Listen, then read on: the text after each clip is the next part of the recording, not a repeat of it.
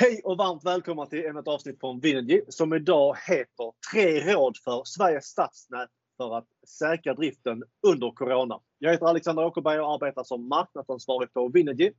Och med mig idag har jag med eh, två experter på Sveriges stadsnät. Sabine Simnerberg i Karlstad och David Björklund i Borås. Tack för att ni är med och bidrar med er kunskap här idag. Om vi börjar med en kort bakgrund om varför stadsnäten är så viktiga för samhället. David, eh, hur tänker vi här?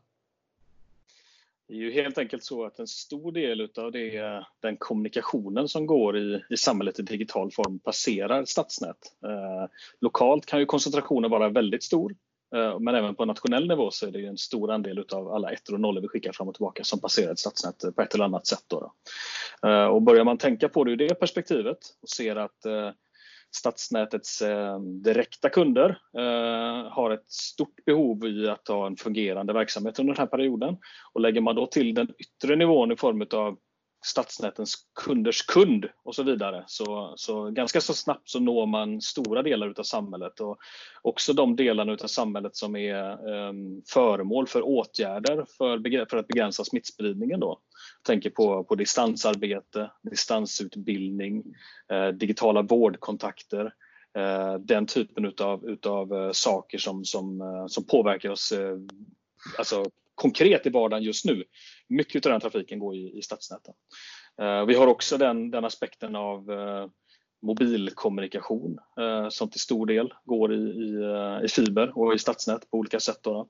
Så sammantaget så är det ju av stor vikt att den här infrastrukturen är liksom spelbar och är ett verktyg i, i lådan framöver. Då. Absolut. Och vilka risker eh, kan vi identifiera här nu då kopplat till eh, att corona eh, kommer in över Sverige ordentligt? Mm. Nej, utöver att kunna, utöver att de här eh, samhällsåtgärderna då i form av eh, social distansering och så ska kunna fungera med, med hemarbete och så, så är det ju också så att många utav stadsnätsorganisationerna de drivs ju lokalt med lokal bemanning Eh, vilket gör att de i många fall är ganska små och de är känsliga för långvarig eller omfattande sjukfrånvaro. Det, är, det finns ehm, eh, ganska så få eh, Personalen består av få människor. Det är eh, stora nyckelknippe på de människorna som jobbar där. Eh, vilket gör att man, är, eh, man behöver planera och tänka till för, för att ehm, liksom kunna vara beredd i, i, i händelse av att vi får ett Eh, jag vet att eh, Sveriges kommuner och regioner pratar om att eh, scenarier med upp till 40 i sjukfrånvaro och sådär. Eh, och då, då blir det ju en pers för alla att driva och ju mindre och mer känslig organisation man är ju, ju större blir den utmaningen såklart. Ja, men det förstår. Tack. Vi, vi börjar med råd nummer ett då. Koordinera och samordna. Sabina, vad behöver en tänka på här? Ja, vi pratar ju om stadsnäten här och ofta så finns de i verksamheter som har andra nyttigheter också. En del finns i bolag med elnät och nät har ju samma utmaning de också kanske ha problem med eh, personalbortfall och, och sjukdomar. Men de har en eh, drift som eh, är kapabel och har jobbat i hundra år med sin nyttighet. Och där tror jag att man ska liksom hämta lite stöd och resurser och koordinera. Eh, det finns även de som har fastighetsbolag i sin koncern. Det finns som också måste fungera runt året dagar. Och det gäller att se sig omkring i sin koncern, i, hos sin ägare och andra som har en, eh, ja, en liknande ett liknande behov av drift 24 timmar om dygnet. Eh, så där tror jag att man måste titta om man kan koordinera och samordna för att få en stabilitet och en trygghet i att eh, våra ettor och nollor kommer fram. Säkert. Ja, bra. Eh, det är mer intern koordinering på man samordnar så externt också då, eller hur, hur ja, naturligtvis många behöver ju sina leverantörer. Det kan vara entreprenörer eller systemleverantörer som man måste också ha en dialog med.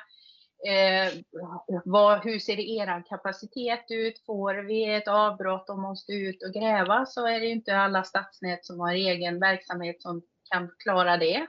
Så självklart ska man också vända sig till sina samarbetspartners för, eh, som på något sätt medverkar i det här, eh, den här infrastrukturen. Och även leverantörer som till exempel om man jobbar med en kommunikationsoperatör, prata med kommunikationsoperatören, se hur man kan hjälpas åt där för att eh, kanske övervaka och drifta sina nät på ett 24-7 basis tänk liksom. Så både internt och externt se sig om hur man kan eh, upprätthålla driften helt enkelt. Okej, okay, tack så mycket. Om vi går in på råd nummer två här då. Ordning och reda. Hur, eh, hur menar vi med det Sabine? Ja, alltså vi är ju människor och människor brukar ha en vana att agera på ett visst sätt när saker och ting händer och det, vi är lite personberoende ofta i våra stadsnät och här gäller det kanske att plocka fram det material som någon annan skulle kunna arbeta utifrån.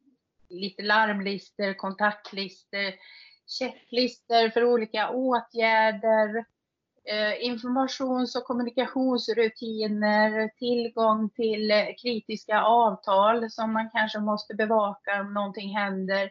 Så att även andra människor runt omkring som man har koordinerat och samordnat med kan utföra en åtgärd om någonting händer när individer är borta som, som brukar lösa saker och ting. Mm. Och om man, inte, om man inte har det här på plats, hur, eh, hur ska man tänka, tänka då?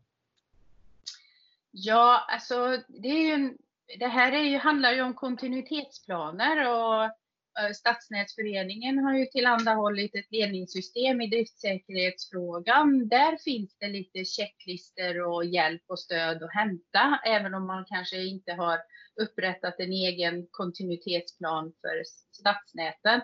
Sen är det återigen så att energibolaget som man kanske sitter i eller fastighetsbolaget som man kanske sitter i eller är syster till eller dotter till. De kanske har kontinuitetsplaner så att man kan få ett stöd att eh, organisera eventuella situationer som uppstår som man inte har förmåga. Det är det kontinuitetsplanen handlar om, hur man hanterar en kris.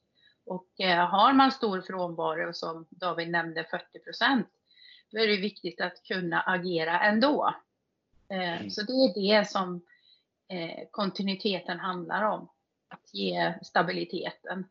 Och ja, återigen, koordinera, leta efter information via Stadsnätsföreningens ledningssystem. Där finns det lite hjälp att få. Och ja, Checklistor, checklistor och checklistor. Vad bra. Då har vi då eh, sista rådet här. Eh, förstärk.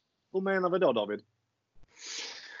Nej, alltså det var att återknyta lite grann till, eh, till organisationerna och, och den karaktären som de har. Eh, så även om man eh, i Stadsnät Sverige på många sätt har ett säkerhetstänk eh, medfött på olika sätt. Man kanske har hemvist i, en, i, en, eh, i ett energibolag eller ett elnätsbolag till exempel där det är en del utav vardagen att tänka på säkerhet så, så är det ju ändå så att eh, eh branschen är relativt ung. Vi kanske har 15-20 år beroende på hur man räknar eh, jämfört med, stats, med elnätens över 100 år. Då, då. Eh, och det är också så att eh, strukturen på näten ser lite annorlunda ut än vad elnäten gör. Där rasade grejer bakom mig, såg du det? Den får du nästan klippa bort. det löser sig. ja. Nej, men eh, eh man, eh, eh, strukturen är annorlunda på stadsnäten än vad den är på elnäten. Eh, och eh, det gör också att vi, vi har ju en, vi har inte ackumulerat lika mycket erfarenhet av hur våra nät beter sig i olika typer av kriser. För det är också ett fenomen som vi får räkna in när vi hamnar i den här typen av, eller riskerar att hamna i den här typen av kris. Då. Att vi förbereder oss på de kriserna som har varit, men vi har svårare att förbereda oss för kriser vi ändå inte upplevt. Eh, och det är ju liksom själva definitionen av en kris, att den kommer kanske oväntat att vi inte är förberedda. För är vi förberedda och har en plan för det så, så når det liksom inte krisstatus då. Så det behöver vi tänka till på. Jag tycker också att vi får förvänta oss att samma mekanismer är i spel när det kommer till våra kunder. Vi vet ju sedan tidigare av erfarenhet att kunder har svårt att förhålla sig till SLA-begreppet och, eh, ju mindre kunden är, ju, ju, ju svårare har man för det. Eh, man kanske också gör samma typ av bedömning när man, gör en, en eh, när man beställer och, och, och en utökad SLA så är inte den vanan riktigt så, så utvecklad som vi kanske önskar att den vore. Utan man, man tänker att det där händer inte mig.